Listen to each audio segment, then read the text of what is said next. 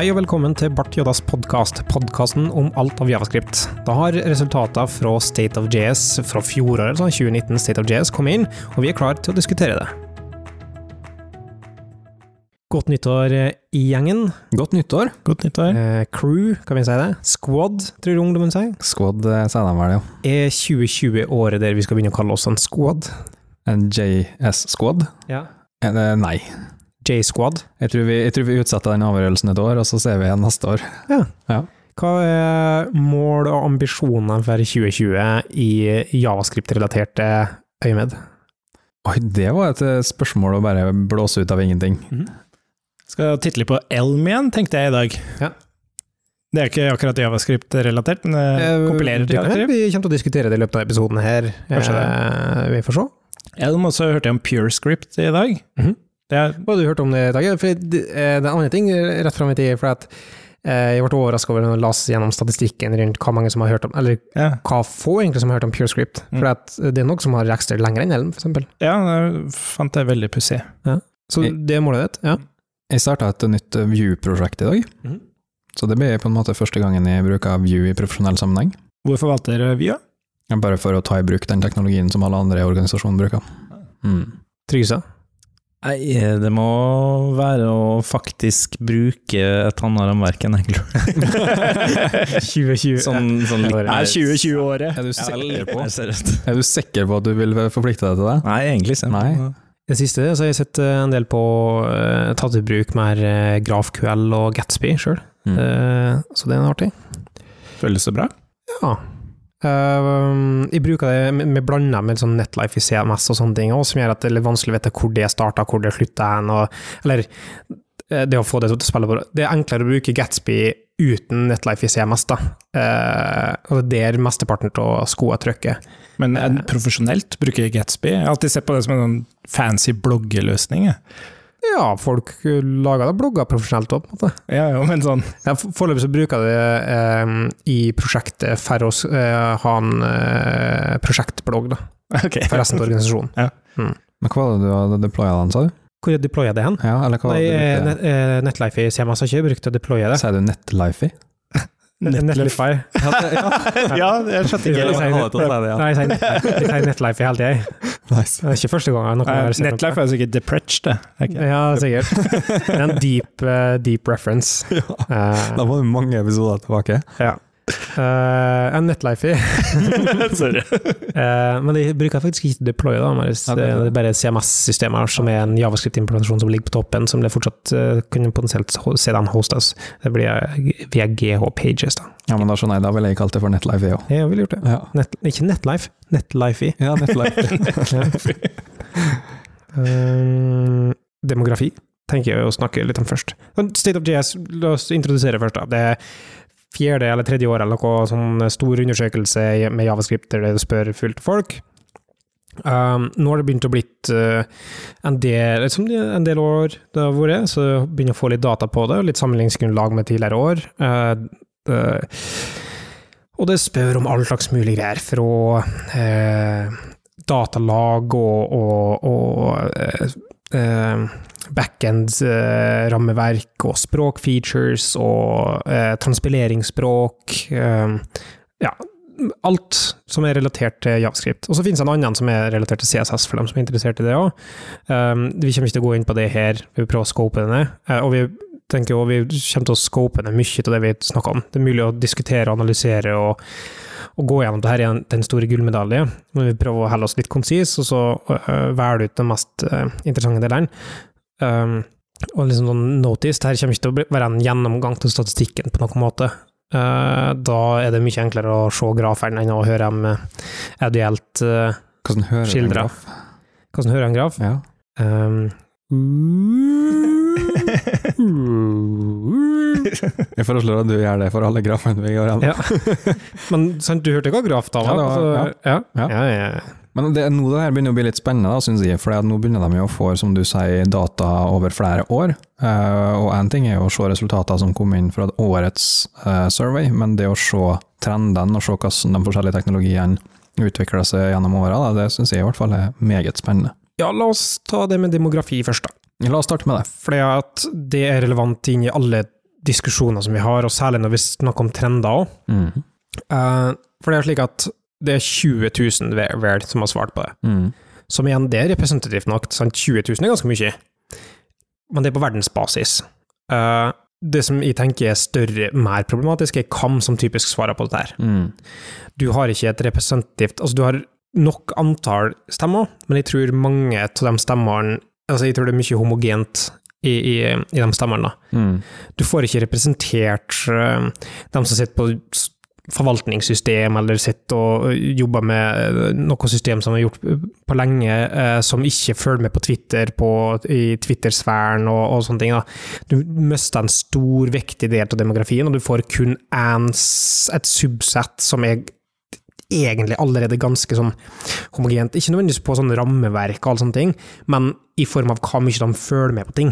Mm. Ja, For jeg tenker, er det litt sånn hvor mye man forstår liksom konseptet open source og dra på meetups og konferanser og sånn? Er det Ja.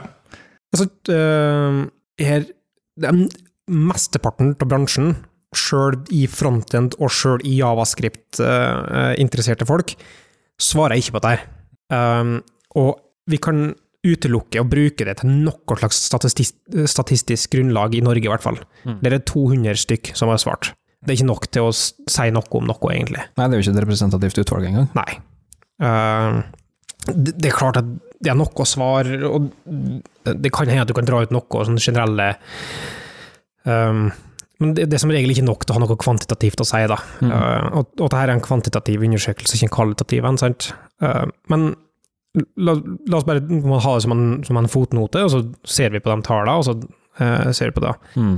En annen stor problematisk eh, greie med det her, i demografien, er det med eh, kjønnsfordeling, for eksempel. Ja, for den er jo helt, helt på bærtur. Ja. Det er 91,3 eh, menn, da. Eh, og så er det 6 eh, kvinner. Men føler dere det representerer det dere opplever i hverdagen òg? Bare her i Norge og deres egen erfaring? Mm, Jeg har lyst til å si nei. Jeg synes det, det, det er få, altså 6 da. Og det er lite. Ja, det er veldig lite. Det er en per 20. person, det. Mm. Hvis de gjør matten rett. Ja. Ingen korrigerer meg, så Nei, ja, vi er alle mer skyldige. Ja. Eh, Eh, men det, det er ganske lite, sant? Men det er ikke så langt ifra heller, da. Altså, det er ikke helt på bærtur, det skulle ikke vært 50-50, på en måte. Sånn.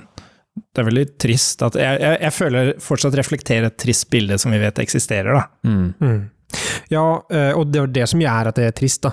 Jeg tror ikke det er trist nødvendigvis av undersøkelsen i seg sjøl, altså, det er kjipt, men det som gjør det trist, er at det representerer uh, den uh, mangelen på mangfold i bransjen i utgangspunktet, Mm. sant?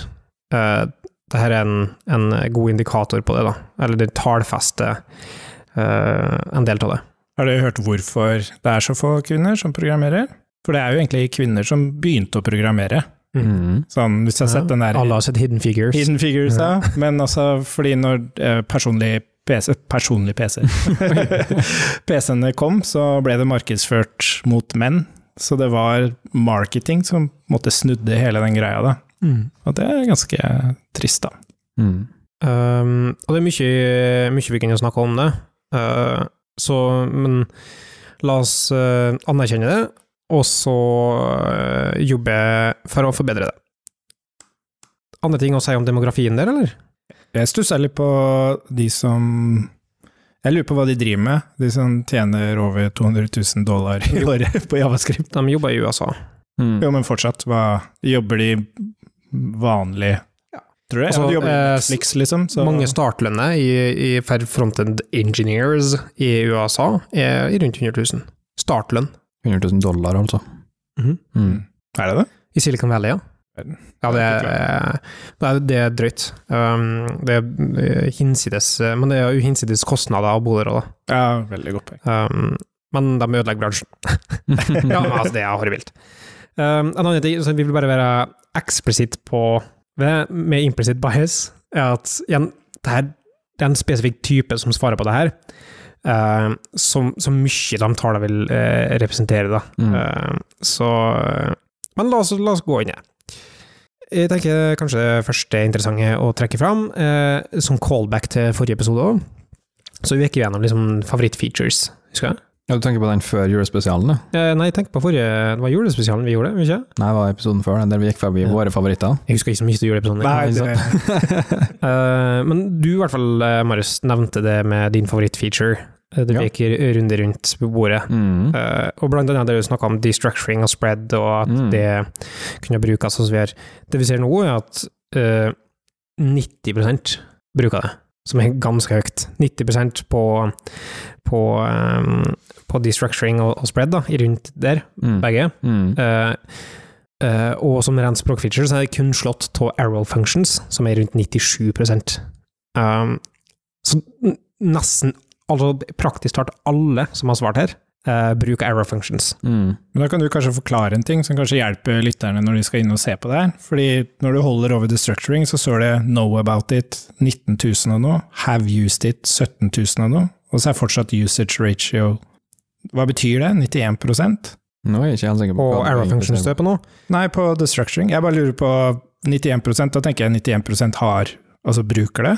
Uh, hvor ser den? Ja, nå er jeg litt usikker på Have hvilke used datasett it? du setter på. Nei, når du holder over destructuring. Ja, Mm. Know about it 19 000, have used it 17 000, usage ratio 91% ja uh, for du har en siste del som er uh, never heard of it. Ah, ok, så det Mm. kommer bare ikke opp, ja. Så usage er egentlig bare tatt vekk dem som ikke har hørt om det. Så uh, ja, i praksis. 9% som ikke har hørt om det, og så Så resten fordelinga vil være da uh, har brukt det, 85% eller 85,1. Uh, vet hva det er, men har ikke brukt det, Mm. 8,4% Og så er det da jeg har aldri hørt om det, Mm. eh, eller er litt usikker på hva det er, 6,5 Mm. Men da er det under 50% av de som har hørt om det, som faktisk bruker det? Blir det riktig å tenke sånn? Nei. Nei. Hvis 17 800 faktisk Du er inne på count nå, sant? Ja. ja. og 19.000 bare har hørt om det? Totalen er dem som har svart på det spørsmålet, sant? Ja. Så det er 17.800 pluss eh, 1700 pluss 13 eh, oh, ja, sånn ja. Det er ikke Det er totalen som har svart på det. Mhm. Eh, det er distinkte spørsmål du har svart på. Så du, Mhm. en- er en av kategoriene, du kan ikke være flere. Så i praksis så betyr det at 85% av alle som har svart, har brukt det. Ja. Hvis du vil ha hvem som har hørt om det og har brukt det, så må jeg gjøre prosentregning, og det orker jeg ikke jeg er kapabel til å gjøre på stående fot. La oss, eh, La oss, la oss gå videre, og så ser vi hva det her bærer. Nå har vi i hvert fall prøvd å forklare det. Men, Arrow functions, i hvert fall. ja. Altså, 97% har brukt det. Eh, kun 0,8 har- eh, er usikker på det. Eh, og det syns jeg er en sånn Men er det fordi at fo- folk følger kodeeksempel med arrow functions, eller er det bare at det er så mange nye i bransjen som har starta med arrow functions, som er en greie? Er det ikke flere som syns det er sjokkerende høyt? Jeg syns det er sjokkerende høyt. Jeg er jo nysgjerrig på, og jeg skulle gjerne visst hva mange av dem som har brukt det, som har valgt det bort i ettertid. Og hvor mange av de som vet hva det faktisk er for noe? Hva Ja. den gjør? uh, dere kjenner meg. Er en uh, tidvis grinete, uh, bitter person. Mm. Uh, og har uttalt uh, har vært uttalt negativt om Darrow Functions i utgangspunktet. Jeg ser ikke poenget med det i mange tilfeller. Noe du kan bruke hvis du trenger det, men ikke som du burde default til, etter min mening. Mm. Men jeg lurer på om på en måte, kampen er tapt, da. Ja, altså, Eh, hvis 97% av 20 000 mennesker allerede bruker det, så tror jeg ikke du har så mye mer å kjempe med, altså. Jeg vil fortsatt ha sagt uh, bruk function declarations på outer scopes uh, i det øyeblikket du har på en måte hjelpefunksjoner og sånne ting som uh, er i modulen din, Mm. så, så bruker jeg det hardnakka fortsatt, altså. Mm. Ja.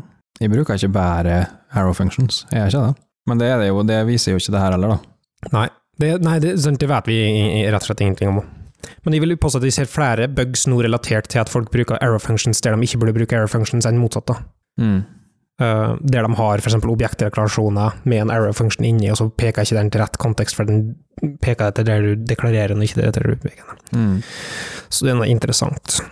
Uh, en annen ting som er interessant, er at det er flere folk som har brukt arrow functions enn promises. Er ikke det, er ikke det snodig? Det er snodig. 93% altså ganske høyt fortsatt, da, med 93% på promises. Men promises, de Selv om du eh, kanskje bare snakker om det innebygde, da, Eller for at Promises med alle slags mulige A pluss-implementasjoner, husker dere den, Eh, sånn A plus compliant eh, eh, implementasjoner til spekk og så videre. Sånn. Det har nå vært i ti år. Ja, det er sant det. Men allikevel så er det jo Det er såpass høyt, da, at det er bare Altså alle bruker det egentlig, på en måte. Ikke signifikant, kanskje, nei. Mm. Det er kanskje også et poeng i det. Men jeg syns det er interessant med eh, proxyer, da. Det syns jeg er faktisk overraskende høyt, for det er såpass lavlevel. Det er ikke Ja. noe du ville på en måte Å ja, her har jeg et businessproblem, det må jeg løse med en proxy. Men hva betyr det å bruke det? ja, godt spørsmål. Uh, Ja, betyr det å faktisk skrive en new proxy, liksom? Ja. Eller er det å eller ha brukt et, et eksempel, på en måte? Eller er det at du har uh, hatt et problemstilling som fordrer bruken av proxy? Eh, ja. Men igjen, jeg har brukt proxy sjøl mange ganger. Ja, du bruker i Overmind, ikke det. Immer, Immer bruker vel? Immer bruker Mobex siste, View bruker Ja. det, nye View bruker det. Så kanskje det er bare at folk vet bedre hva er det som blir brukt av ting de bruker? Ja, det, ja, det er sunt, da. Ja. Det, kan, være- det er et sunt tegn. Hvis det er tilfellet, så er det veldig sunt tegn. Ja, tror du folk som har brukt Overmind, svarer ja på proxy-spørsmålet? Kanskje. Hvis de vet at uh, View, da, for eksempel, bruker proxy. Hva, hva, hva, Ja, ja, annet du kan bruke proxy til enn sånne type Ja, men er, altså, det, biblioteker, da? er det riktig å svare ja når man bruker det by proxy? Spor du, spor du spørsmålet egentlig bare for å få inn Nei, nei, nei, nei altså, i vitsen kom til med den siste Ja. setninga. Ja. Eh, Ja, bra. ja, takk. Jeg vil bare poengtere misforståelsen min, bare så ikke andre misforstår det. Jeg trodde det var to forskjellige checkboxer. Know about it eller have used it. Ok. Men det er jo sånn, først er det ja, 19 000, det er jo alle sammen. Mm. Og av disse 19 000 så er det 17 000 som faktisk Prøvde å redde ansikt nå. Bare for sånn Ja, jeg måtte bare rette opp i det. Ja. Men uh, async await, Ja. det er det mange som bruker. For jeg husker når async await kom i Når det først kom, så var jeg Ja. litt sånn skeptisk til Ja, ja. hele greia. Hva syns du nå? Nei, nå syns jeg det er veldig behagelig. å Ja, bruke. ja. ja, det er noe sånn eh, Dere har bomma litt på den skepsisen som sunne skepsisen, og gått over til usunn skepsis, da, tenker jeg. For jeg innser at det bedrer en del ting, da. Jeg mener fortsatt at liksom Men Promises i utgangspunktet har sin problem... Altså, de er litt problematiske, for at de eh, funker ikke så... Ja, okay, det jeg orker ikke gå inn på det. Men det gjør ting enklere med async await. Eh, og de fleste kodeeksemplene nå til dags bruker det. Det er så god støtte eh, Babel og runtimen til Babel gjør det så lavthengende å bruke async await, i motsetning til for ett år siden bare. Mm, godt poeng. Så det er ganske naturlig, egentlig, tenker jeg, at jeg begynte å bruke det så mye. 88,4 har jeg vært å nevne eh, der. Det ble aldri sagt, tror jeg. Mm. Mm. Altså, det er absurd. Men det sier litt om hva vanskelig det er å få 100% men også hva enkelt det er å få høy prosentandel. Mm. Um, og særlig når vi ser dem i kontrast med hverandre.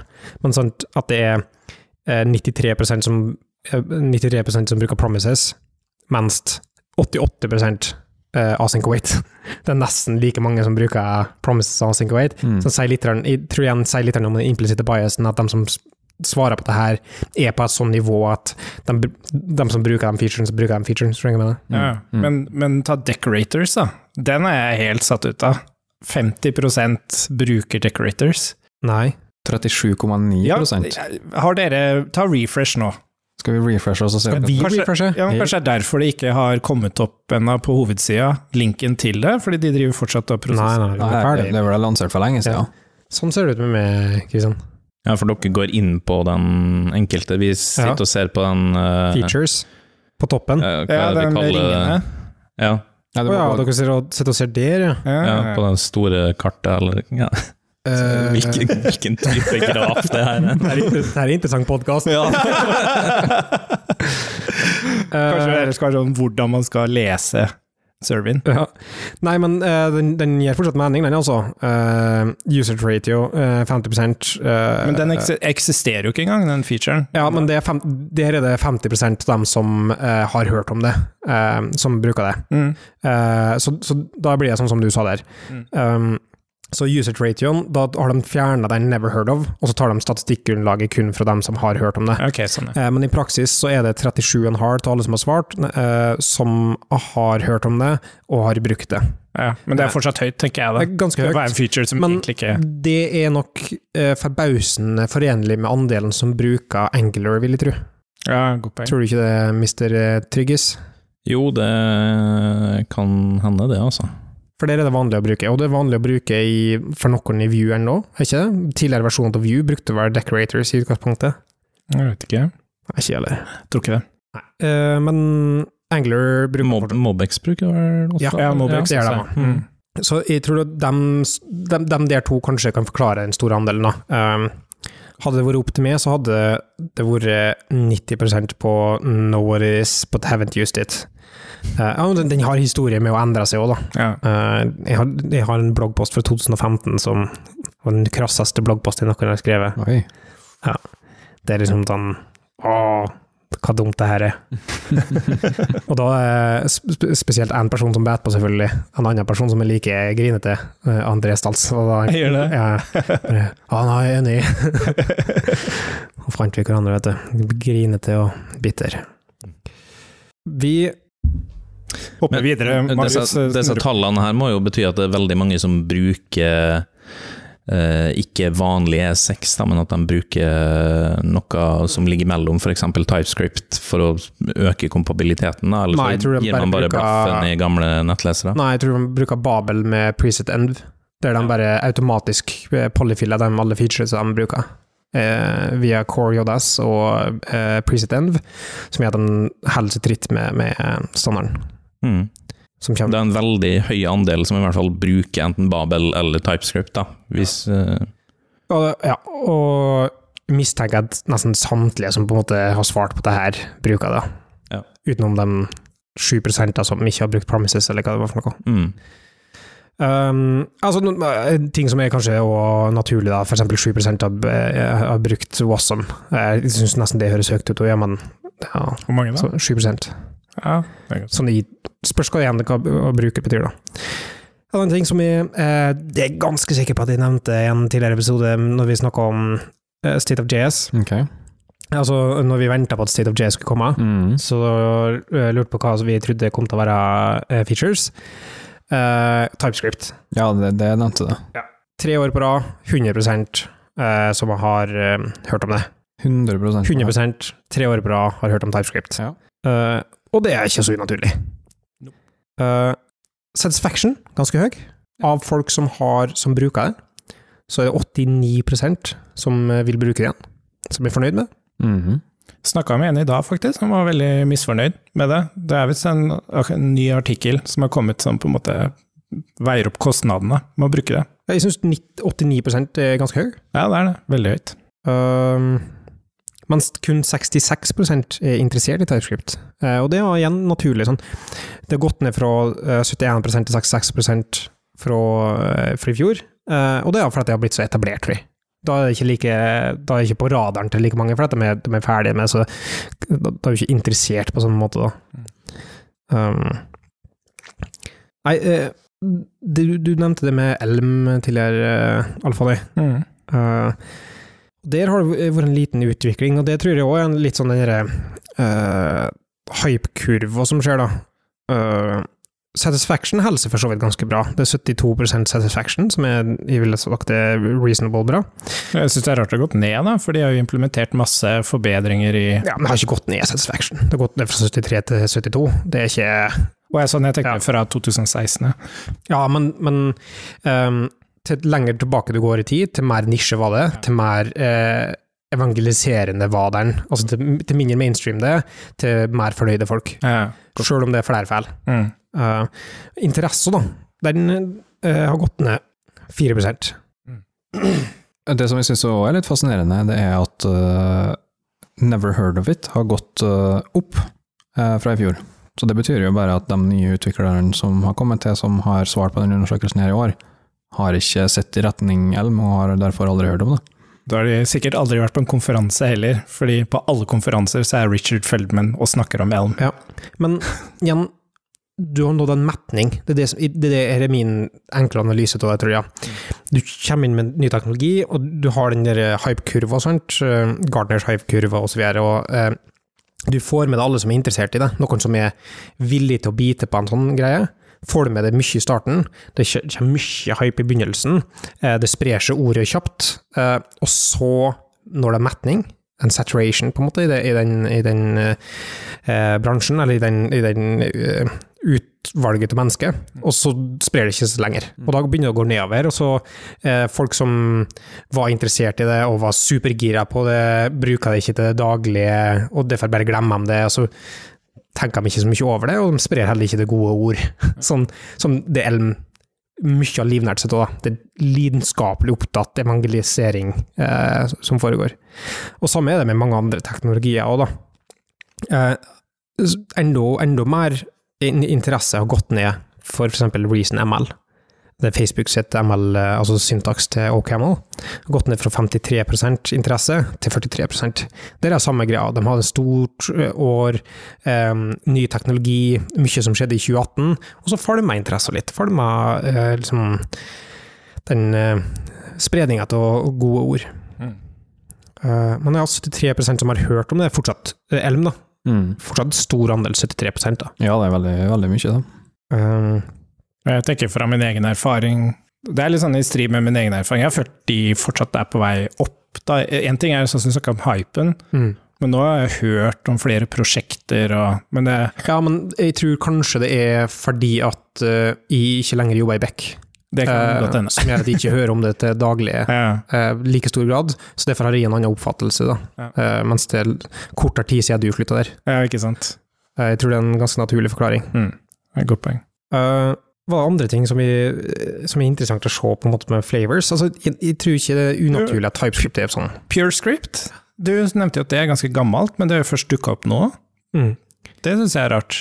Det, det, er, altså det, er mer, det, er, mer, som Haskell i nettleseren. Mm. Så det er mye strengere enn f.eks. Uh, eh, Reason. Men hvorfor har det dukka opp først i år? Nei, Det er sikkert folk Eller som har klaga det inn. Ja, sånn, ja. Uh, ja, som sagt, ja, dere må være med også. Å ja, ok, da må, det, da må vi ha inn det. Men det har eksistert ganske lenge, altså. Mm. Uh, skal vi sjekke hva lenge, da? Når er det vi uh, Stable release 2013 ble det interessert. Såpass, ja. Som er en stund siden. Ja, det er en stund siden. Mm. Men det er 42 da som har uh, hørt om det. 24 som er interessert i det. Uh, men, uh, og 70% som er fornøyd med det. Mm. Men det er også interessant med closure script, at det er relativt mange som har hørt om det, men det er veldig lav interesse for det. Mm. Det tror jeg òg er en eh, resultat av liksom språkegenskaperen som vi er inne i nå. Uh, folk flest er hypp på statisk typing, mm. uh, og ikke dynamiske språk som closure script er. Ja, og litt sånn at flere her er jo funksjonelle språk også. Det er, jo, er vel egentlig bare TypeScript her som er Eller Reason også er vel med klasser og sånn? Nei, Reason er jo Det er funksjonelt, ja. Så det også er litt interessant. Er med språk, da, men det er primært funksjonelt. Ja, men at det TypeScript er jo egentlig det eneste som er eh, ja, ikke funksjonelt, da. Ja, men folk skriver funksjonelt i TypeScript, da. Jeg Ja, hvis du hadde hatt på en måte en, eh, et spørsmål som er eh, hva slags paradigme foreldre er mest til, så tror jeg funksjonelt har vært i økende grad fortsatt. Mm. Ja, du, du, ser jo på TypeScript at uh, grafen over tid der viser jo at man egentlig greier å omvende dem som ikke hadde trua på det her, til å bli believers. TypeScript? ja. ja. Det er jo interessant, for sånn uh, som, som Christian Alfone Alfoni snakka om, da, altså det murrer bestandig litt sånn unsatisfaction med det òg, men samtidig så er det en det er kanskje Facebook-syndromet. Altså det har så stor adaption at det får større adaption. Mm. Det blir bare blitt de facto standardiseringa fra typing for å dele på et bibliotek, som gjør at andre bruker det, som gjør at andre bruker det. Det, pop, det blir populært fordi det er populært. Mm.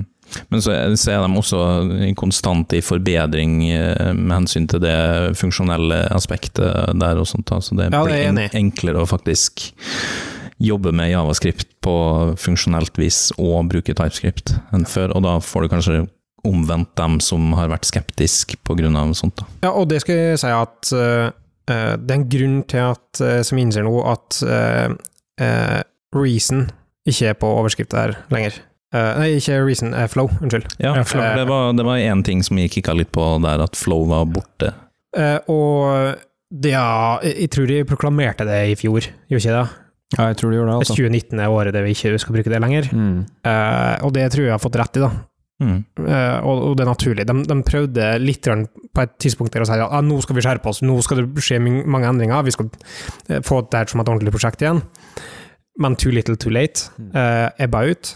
Ikke jeg, jeg ville ikke brukt tida mi på å støtte Flow Mm. eh, nå. Jeg ser at det, det ligger under other flavors, da, og der er det på topp. Men uh, Ja. det er tydeligvis på vei ut, da, til fordel for de eh, fire-fem andre som er på topp der. Og jeg tror rett og slett det er på grunn av På grunn av mangel på vedlikehold. Dårlig vedlikehold. Jeg mener fortsatt at de har en mer interessant typing enn det TypeScript har. Og jeg, brukte nå i utgangspunktet Flow mer enn TypeScript uh, i utgangspunktet. òg. de satsa på en del sånn type egenskaper som jeg verdsetter over det TypeScript satser på. Men TypeScript, det, jeg tror det er en kombinasjon av at TypeScript har tatt mange av de featuresene opp, og så har eh, vedlikeholdet av eh, Flow vært dårlig. Og så derfor har på en måte distansen blitt så stor at uh, Mm. jeg tror ikke Flow kan komme tilbake fra det.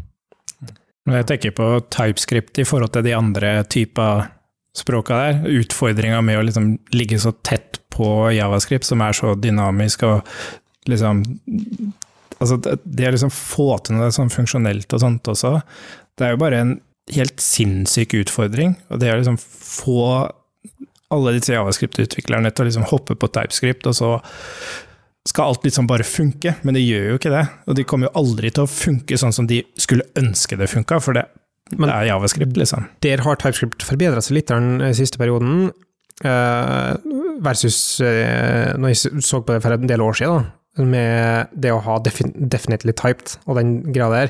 Det å hente ned tredjepartstyper og få det til å funke, er mye mer sømløst enn det var i Flow, f.eks.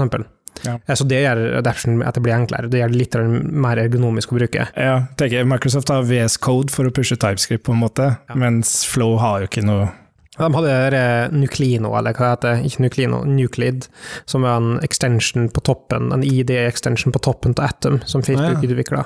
Den var stor og tung. Eh, Så det, det har et poeng. ja. Det som har hjulpet en TypeScript en del, er language server på VS Code. Ja. For det gjør det mye enklere å bruke. Ja. Men bare på slutten der, eh, sånn overall happiness Ja, den syns jeg var veldig spennende. For der er vi er tilbake i 2016 på happiness, Ja. altså en nedgang. Vi nådde en peak i fjor på 4,2. Mm.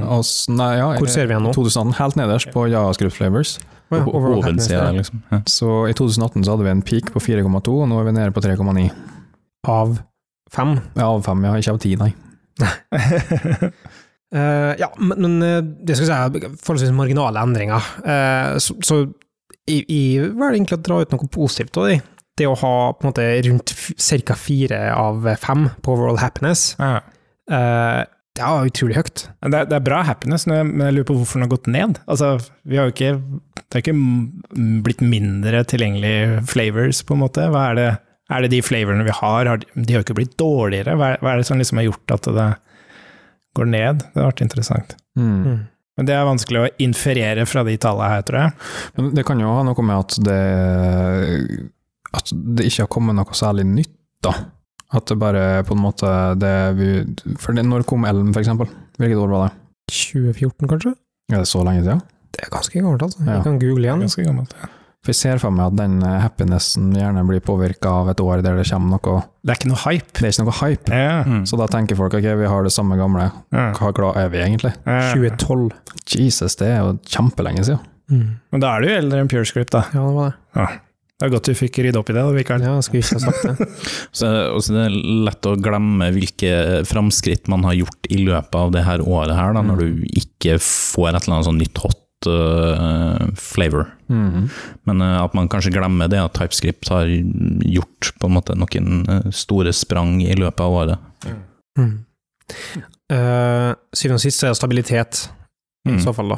Eh, det er ikke så mange nå lenger som snakker kanskje så høyt om um, Hva kalte vi det? Hva da? Eh, Som folk var uh, uh, Overall happiness. Hæ? Nei, overwhelmed av uh, endringstakter. Mm. Hype. Nei! Fatigue. Fatigue! Oh, ja. Fatigue. Ja. Vi snakker ikke så mye om det lenger, som bransje. Nei, det er sant. Eh, stabilt. Ja. Eh, og, og det bringer meg egentlig over på neste punkt. Eh, det var en utrolig bra eh, overgang. Eh, her. Er det ikke slik at man negerer sin egen Segway når Nei, man nei, nei, eh, anerkjenner det? Du øker den. eh, Du, Jeg skjønner. Ja. Gjerne bedre. Uh, jeg tror det er et eh, ganske sikkert tegn på at eh, det er stabilt, eh, er min teori. Mm. Du ser at nesten alle har hørt om alle, som igjen er et tegn på at det på en måte har eksistert lenge. Vi har hatt en stabilitet i rammeverksfæren. Eh, Det er noen små utfordrere, men de er ikke store nok til å ta på en, måte, en sånn stor signifikant del av det.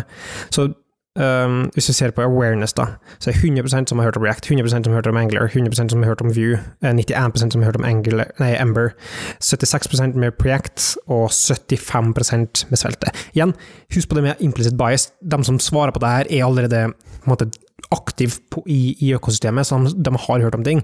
Men dette har ligget jevnt over de siste eh, helt siden 2016. da.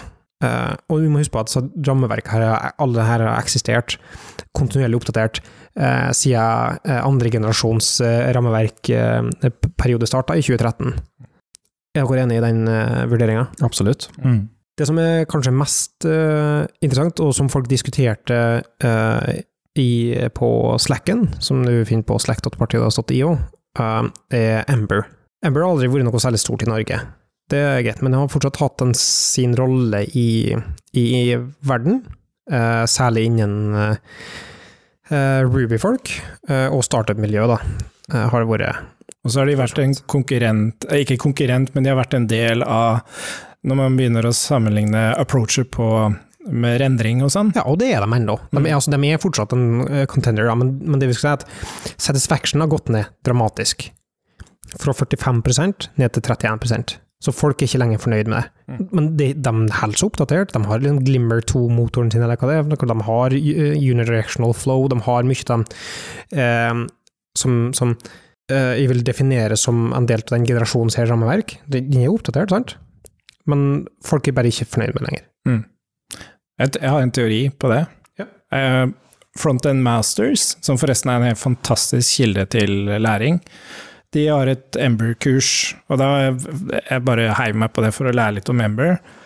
Og det jeg tror har skjedd med Ember, selv om de er eh, utrolig flinke til å ikke holde det Altså ikke det er en legacy-løsning, så er det fortsatt det, da. De har så sinnssykt mange konsepter eh, som de fortsatt holder på. Eh, så som jeg husker i introduksjonen der, så var det fem forskjellige måter å holde på en verdi, da. Og så har du disse lettbeinte løsningene i dag, som Mobex og, og sånn, da. Eh, og så får du plutselig ting som Immer, som i seg selv ikke er et uh, rammeverk, men som er og bidrar til sånn som Redux, som også er veldig lettbeint, da, hvis du snakker om uh, Sammenlignet med Ember og sånn. Så, så tror jeg det, det blir bare så tungt, er Ja. min teori. Og det er de, de som kjenner til det, i så fall. Mm. Men husk på, her er det 64% som er ikke interessert engang. Ja. Og det tror jeg nok rett og slett er bare fordi at uh, mange av de andre rammeverkene er så i en hype-kurve at de stjeler interessen. Ja, godt poeng. Uh, så hvis du ser på Ember, da. 64% ikke interessert, 14% interessert, 8 ikke villig til å bruke, og eh, kun 3 ønsker å bruke. Mm. Det er ganske lavt. Sammenlignet med f.eks. Um, Svelte, der du har 44 uh, interessert, Uh, 22 ikke interessert. Men og Svelte er noe som absolutt er den andre enden av kurva. Mm. Det er eh, helt, den kanskje litt før den når den aller bratteste uh, deriverte uh, graden. Men den er i aller høyeste grad på vei opp i, i full sving. Da. Mm. Uh, men det er bare 6 eller 7% som sier 'would use'. Da. Mm. Tanker rundt det noen? der?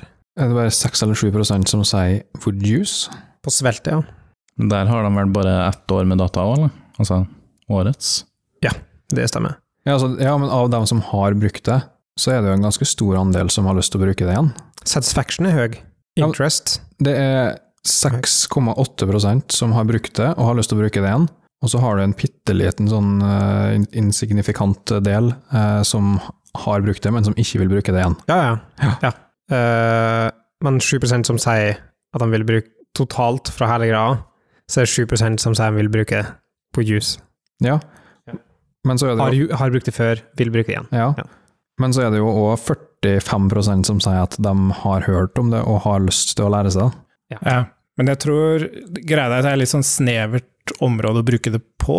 Ja. Uh, tror jeg er grunnen til at de som At det er sånn som du sier, det er såpass lav andel som vil bruke det igjen, da. Fordi de er ja, kanskje ikke det er lav andel som vil bruke det igjen. Uh, altså fordi at Av dem som har prøvd det før, så er det 88% som vil bruke det igjen. Jo, men at det er så få som har brukt det. Ja. Det er det jeg mener å si. For det er, det er en, et nisjerammeverk, da. Det er ikke noe sånn Det er ikke en sånn go to som veldig fort React eh, blir, eller eh, Angler, eller avhengig av hva man er vant til å bruke, View for den saks skyld. Men svelte er veldig sånn spesifikt, at det, det er sånn statiske sider. Det er som vi har snakka om tidligere, statiske sider med litt riktig innhold. Mm. Um, men, uh, men ja. Den som vinner i den kategorien her, for uh, uh, har, just, har brukt det, men vil ikke bruke det igjen, det er Angler, da. Hele, og så ser jeg på det mens de sier det. Nei, men det, er en høy andel. For hvis du ser på eksempel View, så er det 6% bare som, som har brukt det og ikke vil bruke det en gang til. Um, Preact 3 Ember 8 uh, Angler uh, 36 Mm. det er en, det er en tredjedel av alle som har svart, da. Ja. Hvis du ser på historikken der, så gikk det jo veldig opp mellom 2017 og 2018. Så jeg vet, jeg vet ikke hva som skjedde der. Ja, den delen som har brukt det, men som ikke vil bruke det. Ja, eh, Gikk opp fra 9,7. ja. Mm. Ja. Så um, jeg vet ikke hva som skjedde akkurat der, men Eh, på et tidspunkt så hadde den uh, Fikk uh, rapporten her, altså spørreundersøkelsen, kritikk for at de ikke at de blanda JS og ikke JS. Ja, og det Mm. lurer jeg faktisk på om var i 18. Ja. Ja. Så det kan hende at det er noe der, og det kan hende at det fortsatt påvirker dette her, da. Eh, kan hende at folk her svarer generelt for Angler, eh, og de tar det ikke nødvendigvis er representativ for den Angler uten JS. mm. Men der burde de ta sjølkritikk for å ikke kalle det noe annet. Kom an. Ja, nei, men altså, litt sånn som du sa med det flow-greia, så tror jeg Angler på en måte Jeg tror ikke de noensinne kommer til å gjøre det bra igjen på akkurat denne her her.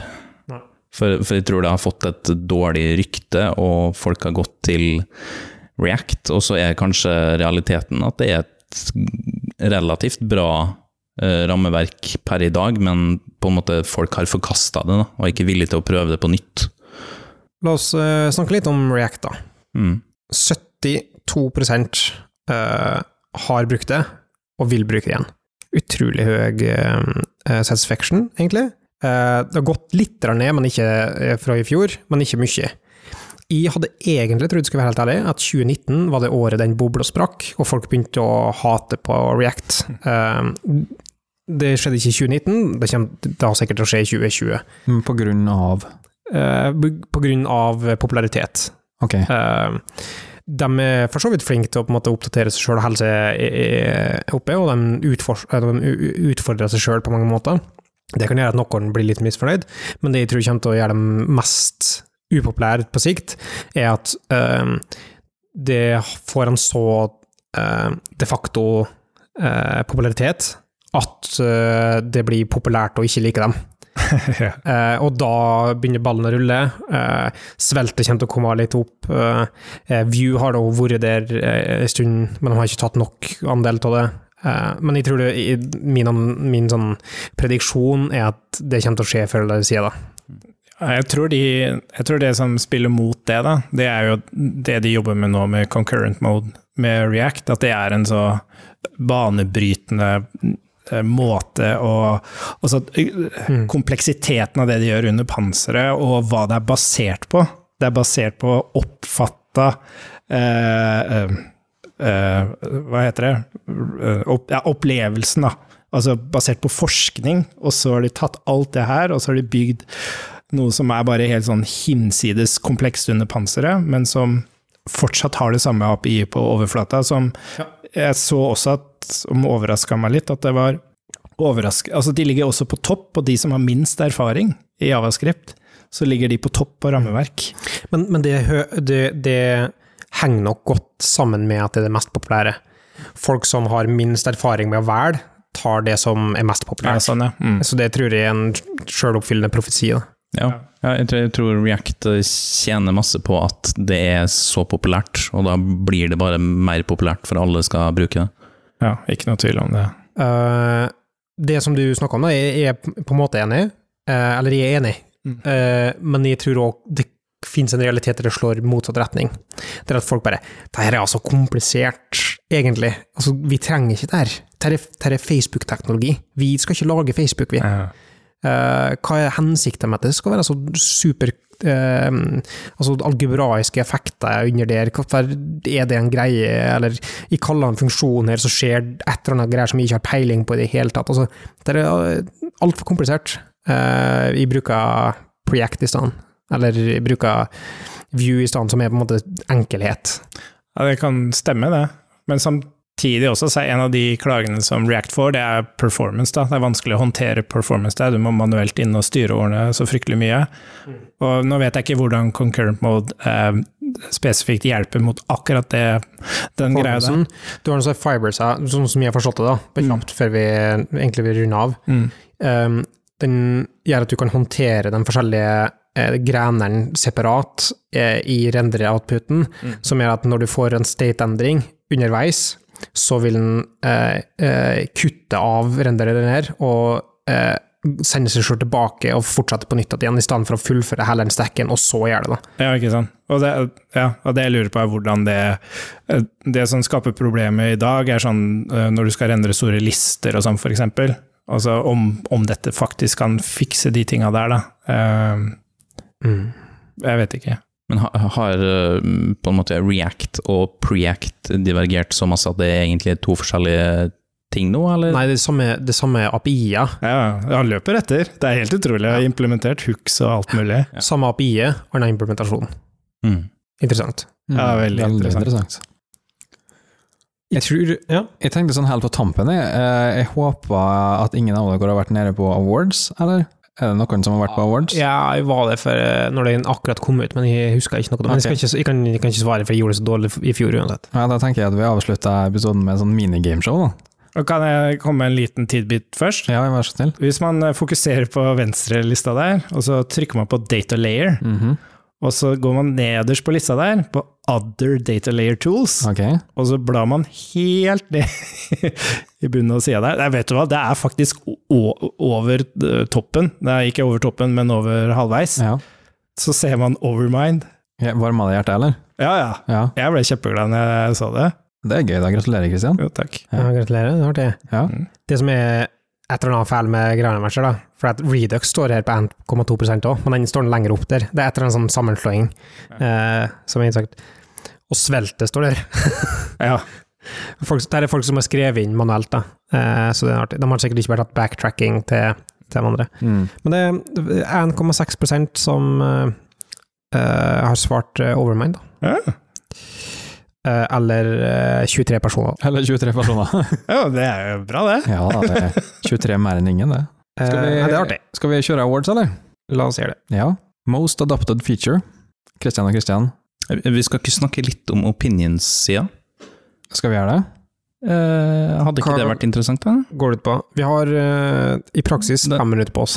Ja, det er liksom Javascript is moving in the right direction. ja. Kan du se historikk over det på Tipon? Ja, det er jo litt uh, interessant. Er ganske interessant. Ja, Mye mer interessant. der, der, der har det faktisk gått veldig opp på Altså, det har forandra seg fra å være strongly agree til å være agree, egentlig.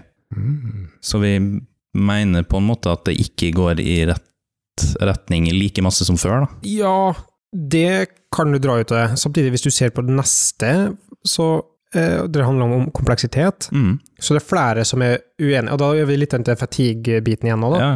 Det er flere som er uenig i at det er overly kompleks å lage javascript-applikasjoner nå. Det sier ikke nødvendigvis noe om rett retning, men det, er ikke det litt motstridende? Jo. jo Ja, kan det kan jo være veldig gode verktøy, bare, da. Ja, men En ting ja, er så, språket, så, en annen ting så er verktøyet. språket, ja. ja. Så jeg tenker at det er bare kommet eh, gode løsninger. man, noen er kanskje litt skeptisk til at det har kommet så mange nye features i språket, da. Det sitter jo noen eh, her. Marius, ja. Ja, han Marius. Yes. Men så begynner man å bli mer fornøyd med at um, Ja, ja du er godt poeng. Webpack og sånn har liksom kommet ett steg videre. Ja. Javascript is overused online. Nei. Nei, folk syns ikke det. Men la oss, la oss være ærlige om at det er et utrolig flåste spørsmål i en javascript-undersøkelse. Det er veldig godt poeng. Det er fortsatt uh, 7 som ah, Ok, eh, det er egentlig ikke det. Uh, altså, det er egentlig ikke så flåste, for at uh, jeg kunne vært tilbøyelig til å sagt agree med at eh, i eh, online eh, vi hoppa altfor fort til å lage på en måte store webapplikasjoner, tenke på alt som er egentlig nettsider som webapplikasjoner. Da. Så er en viss nivå så vil jeg påstå at javascript er overbrukt eh, på, på internett. Um, så For at du kunne komme unna med hva i stedet? Eh, Med HTML, HTML, og ja. serverendra HTML. Ja, Da. ja. Eh, hvis, det, hvis du lager ei, ei uh, Og det er ikke sånn at du, at du ikke kunne ha brukt javascript i hele tatt, men ikke til den kompleksiteten som, som bruker javascript. da. Hvis du skal ha en, infoside der du skriver om eh, firmaet ditt og eh, hva slags tjenesteområder du har. Det er ingen grunn til at det skal være klientrendra eh, eh, CDN-hosta, eh, serviceworka Altså, det kunne vært bare serverendra ting. Eh, og kan du bruke javascript på en måte til det, hvis du ønsker det, men ja. Man kunne jo også tenkt uh, liksom Windows app versus app på internett, altså web, da. Om, om det på en måte man mener at vi går altfor fort på webapps, og det blir veldig stort og komplekst og masse å tenke på, så kunne man kanskje ha laga en ja enklere Windows eller Linux. men jeg tror ikke du fanger opp det med det spørsmålet her. Nei, du gjør sikkert ikke det. Men, eh, For det er eh, utelukkende online. Da. det, ja, Ja. men det var på en måte det Det var min første tanke når jeg så Ja. det spørsmålet der. Da. Skjønner. Men det er, det er da eh, 16 som er enig, og 7% som er eh, sterkt enig. Så, så totalt sett 25% en fjerdedel som mener at det er overbrukt. Altså det, det er en signifikant del, da, faktisk. Mm. Så jeg trekker tilbake utsagnet mitt om at det var flåsespørsmål. Det er faktisk et bra spørsmål. Men liker, liker vi å bygge JavaScript-apper, da? Vi gjør det, Ja, det er, vi. fortsatt. det er vi. Og det er viktig, altså. Liker Det er- du det, Alfon? Ja, jeg trives godt med det. er jo fortsatt det er, det er, det er mer kompleksiteten av å jobbe på weben enn å jobbe med javascript. Jeg elsker verktøyene jeg jobber med, men det er kompleksiteten av weben som er eh, hårete. Hvis vi spoler helt ned til bånn, så er det rate of change. Det er det om, om man mener at eh, økosystemet forandrer seg for fort. Da. Det snakka du vel litt om eh, Ja. tidligere?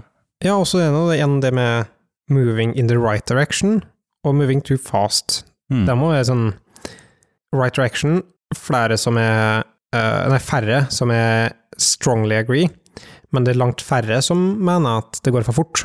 Mm. Så det går sakte i feil retning, da. uh, Men jeg lurer på hvor mye av det som er Babel. For jeg husker den Ja. perioden med Babel. Ja. Det, er sånn, det var alltid noe nye, og du måtte forholde deg til så veldig mye features og sånn hele tida. Mens nå, sånn som du sa, Babel Env og sånn, nå trenger du liksom ikke å tenke så mye på de tinga her lenger. At det kanskje har hatt en effekt, da. og jeg tror faktisk objektivt sett, så har det aldri gått fortere enn det gjør nå. Hvis du ser bort fra 2015, som var et stort hopp, men etter 2015 så har det bare features eh, gått mer og mer opp, da. Mm. Eh, så det er rart at det er færre som mener at det går fort. Mm. For de tror de har flere features nå enn enn før. Det er veldig godt poeng. Ut, ja, utenom 2017, som var bare to features eller noe. Eh, men 2018 og 2019 nå, da har det vært mange flere ting. Og mange flere proposals som, som, som ulmer. Mm. Hvor ofte er det Har, har de ikke fast release nå på features? At det er sånn Ja, de, de tar det årlig, bare. Det Ja. som er ferdig innen de året, er, er den spekken. Det burde vi ha. Vi burde ha en sånn Bart JDs feature release-fest, der vi liksom bruker de nye API-ene, da. Og Ja. snakker om de og lærer bort. Da. Det har vært kult. Ja, Det kan vi ha. Fiks det, du. Ja. Skal vi hoppe over awards, eller rekker vi det? Nei, vi kjører på med awards, vi må avslutte med en liten award. Så da spoler vi tilbake igjen, og så er vi tilbake på Most Adopted Feature. Kristian og Kristian, og Mikael hvis du vil, hva tror dere er den most adopted feature? Nå misforsto jeg igjen, da, så jeg trykte jeg, for jeg trodde det var jeg som skulle Og du skulle trykke, da? det? Da er du ute til å Ja, det er eh, det er det arrow functions, da. Er det arrow functions? Kristian? Ja, jeg får si async await, da, bare for å ha sagt noe annet. Hva trykker jeg? Kristian har allerede trykka. Du kan få Det var arrow Christian. functions. Det var det arrow functions. Ja. Og så promises, og så spread operators. Altså, den konfett, altså, entusiasmen i stemmen din reflekterer ikke den konfettien som kommer når du trykker på den knappen der. Og det var arrow Ja, functions! takk, takk. Fiks det i post, du, Maris. Ja, jeg skal fikse det. Most used technology. Hva er technology? Er det rammeverk, eller? Eh, man kan vel anta det? Ikke trykk noe, iallfall nei. Jeg tenker uh, um, Jeg, jeg, jeg, jeg har lyst til å si TypeScript. Du har lyst til å si TypeScript? Jeg har lyst til å si VS Code. Oi, spennende. Da Altså, trykker jeg. ja. Vinneren er altså React, og runner-ups er faktisk Express og Redux. Oi. ja. Mm. Så det var faktisk Redux. Det er deprimerende. Det er så deprimerende. Det er hvor mye tid som har gått bort. Mm. Altså utviklingstid som kunne blitt brukt til å produsere verdi for kundene, som har gått bort. Ja, Vi kan ta, sorry, vi kan, vi kan ta diskusjon på av denne Så det skal ikke mer til for å fyre meg opp. Nei, sant. Highest satisfaction går til React. React eller TypeScript. Kan jeg hardgardere? halvgardere? Du skal få lov til å svare begge. Yes. Vi går utenom reglene i dag. Kristian? Uh, si Angler. Angler. det er faktisk Jest. Oh. ja, såpass? Ja, 96,4 eh, vil gjerne bruke Ja. Sikkert Det fordi de bruker koden min, mistenker jeg. Men det er ganske interessant hvor dårlig Jest var. Ja. Hvor treigt det var Men- når men det kom, det- og den jobben de gjorde der. Og Men det var, var i 2015 eller noe, da. Jo, jo, men sånn Ja, men ja, turnaround da, er jo helt 22 til 23-versjonen eller noe sånt. Det var dramatisk dramatisk Ja. Forbedring. Og det var de som kom med snapshot-testing først, tror jeg. Mm, det er jo helt genialt. Runner-ups er GraphQL og Cypress. ja, så to, to testeting da, egentlig, på topp tre. Mm. Vi hopper videre til highest interest. Det er den teknologien som flest utviklere har mest interesse for å lære seg. GraphQL. GraphQL, React. React, Mikael, TypeScript. TypeScript. Og vinneren av highest interest går til GraphQL. Uh, Var det i fjor òg, det? Var, var det det du vant på i fjor? Ja, kanskje det. Jeg husker ikke hva jeg tapte på, men jeg husker bare godt at jeg tapte. 89,6 av utviklere uh, som har hørt om GraphQL, har lyst til å lære det. Uh, og Jest og Apollo er runner-ups. Apollo er jo litt festlig. Implementasjon av GraphQL. Okay. ja, for Facebook, tenker jeg da. Nei, Nei, nei, sorry, nå tenker jeg Relay. Mhm. Apollo. ja. Neste kategori er Most Used Resource. Det er den eh, ressursen med størst brukerbase. Dev2. Dev2 Stack Overflow. og Christian. Uh, ja, for å si Stack Overflow, da. Ok, og vinneren er Stack Overflow! Yeah. Jeg var så klar for å juble. Eh, Runner-upen er MDN og CSS Tricks. Og Dev2, da. Ja, den står ikke på lista engang, Mikael, dessverre. Dev, Jeg har fått mye traction i løpet av Jo, 2019, men det er ganske nytt, da. Jo, men 2019 har vært Dev2-året. Ja, men Ville du ikke funnet medium over Dev2? Nei, jeg tror ikke det. Tror du ikke det? Ja, men det er litt type uh, bare- source for å tenke på demografien her, så føler jeg at Dev2 skulle vært Ok, greit, jeg tar det. Nei. Den siste awarden går, det er en prediction award, og det er, eh, den awarden går til den teknologien som er mest up and coming, og som kanskje tar over, eller ikke. TypeScript. Har ikke den allerede tatt litt over? Nei, jeg kan ta litt mer, da. Ja, ok. Ja. Ta litt mer av kaka. Svelte. Svelte. Nei! Kristian. Uh, Angler. Ja, det, det begynner å bli på tide i så fall. Vinneren er, av Prediction Award er i hvert fall Nei! Svelte! Nei! Hvem er, hva er det basert på? Uh, skal vi se, det som står her da, er Svelte made its explosive debut in this year's survey, and we can't wait to see where it goes from here. Jo, men akkurat som Det er, det er et sånn nisje-rammeverk, at det går jo ikke an å Bare aksepter det. Nei, det syns jeg var en tullete prediction. Runner-ups er i hvert fall Nest, Jodas og Stencil. Stencil, hva er det? Ja, det vet jeg faktisk ikke. Er det ingen av oss Jo, som vet har hørt om det. Jeg har hørt om det. Skal vi, ta kanskje du googler kjapt da? Jeg tror det er noe CSS-greier. Progressive Web Apps. Oi, Toolchain for Progressive Web Apps. ok. Might take over. Vi får se. Powering design systems and cross-framework components at Apple, Amazon, Porsche, Microsoft. Jeg tror vi svelte kommer til å ta over, da. Nei! Nei, jeg tror ikke Svelte kommer til å ta over. Jeg tror, men jeg tror det har en plass i Ja, ja. Jeg er konge i verktøy, men Mm. ikke Det er ikke overmind. Det er Nei, det er helt sant. ikke Overmind. Men det, er i hvert fall- 1,6% det var alt vi hadde fra awards, i hvert fall. Og egentlig den podkasten her generelt. Hvis du skulle gitt den award til noe, hva ville det vært? Jeg tror faktisk i dag ville jeg gitt en award til Node Notifier. Yes! Ja. bare, bare fordi du ikke har blitt nevnt i den her i det hele tatt. Eh, vårt, altså, det er Jess da, som var, fikk en eller annen pris. Du Ja, bruker å Node Notifier, da. Bruker de det? Ja, ja, ja. Ja, selvfølgelig. Nei, da er du inkludert by proxy, da. ja, ja. Ja. Altså, ikke bare proxy, men jeg mistenker at det kan hete grunnen til at den har kommet så høyt opp i utgangspunktet. da. Veldig, veldig Ja. Ja. Ja, jeg, jeg, hører ikke satir, nei, jeg hører ikke sarkasme i det. Tenker vi avslutta på on a high note. Mm, Uh, 2020, spennende år. absolutt. Tror blir bra. Uh, og det er spennende år for, for oss, som podkast. Jeg tror vi vil noen nye høyder i 2020. Ja. Ja. Eh, Ja, det er akkurat ett forslag her. Ja, det er sant. Mm. Uh, og 2019 var bra. Vi hadde en konsekvent eh, episodeutgivelse, og det kommer vi til å fortsette med. Mhm. uh, så det, jeg er spent. Uh, håper folk joiner uh, Slacken og kommer med forslag til hva vi kan gjøre. Uh, tenker ut for boksen òg. Vi, er- vi er game. Ja, og ikke bare hva vi kan gjøre, men også hva vi kan snakke om på podkasten. Ja. Det er vi er alltid åpne for å ta imot tema. Du, det, det ønsker jeg av 2020. Jeg ønsker mer eh, eh, Involvering. involvering. Ja, ja, gjerne. Jeg, ønsker, jeg har lyst til å sette opp et no telefonnummer, sånn at vi kan få telefonen sånn Da vil du ha en tilhørende telefonsvarer, faktisk. Nei, altså eh, Bart JS til 2027. Eh, skriv låtønske. Nei. Nei, ok, det den måten du vil ha det på, så du vil ikke ta det ved Nei, Jeg kunne gjerne tenkt meg en telefonsvarer, i, så du kan taste tast true for Slack URL, og så får du liksom Slack. Ja. Nei, men det vi kan gjøre, hvis noen spiller inn seg sjøl, sier noe, Ja, så kan vi spille av. det kan vi. Ja. Ja. Hvis du har lyst til å sende en hilsen til podkasten, send den til oss, da, så får du spilt den på lufta. Eh, takk for nå, da. Hvis eh, folk har lyst til å kontakte det Tryggestad, Eh, Larifax på Slacken, for eksempel. Twitter. Alfoni, Eh, Christian med CH og Alfoni rett etterpå.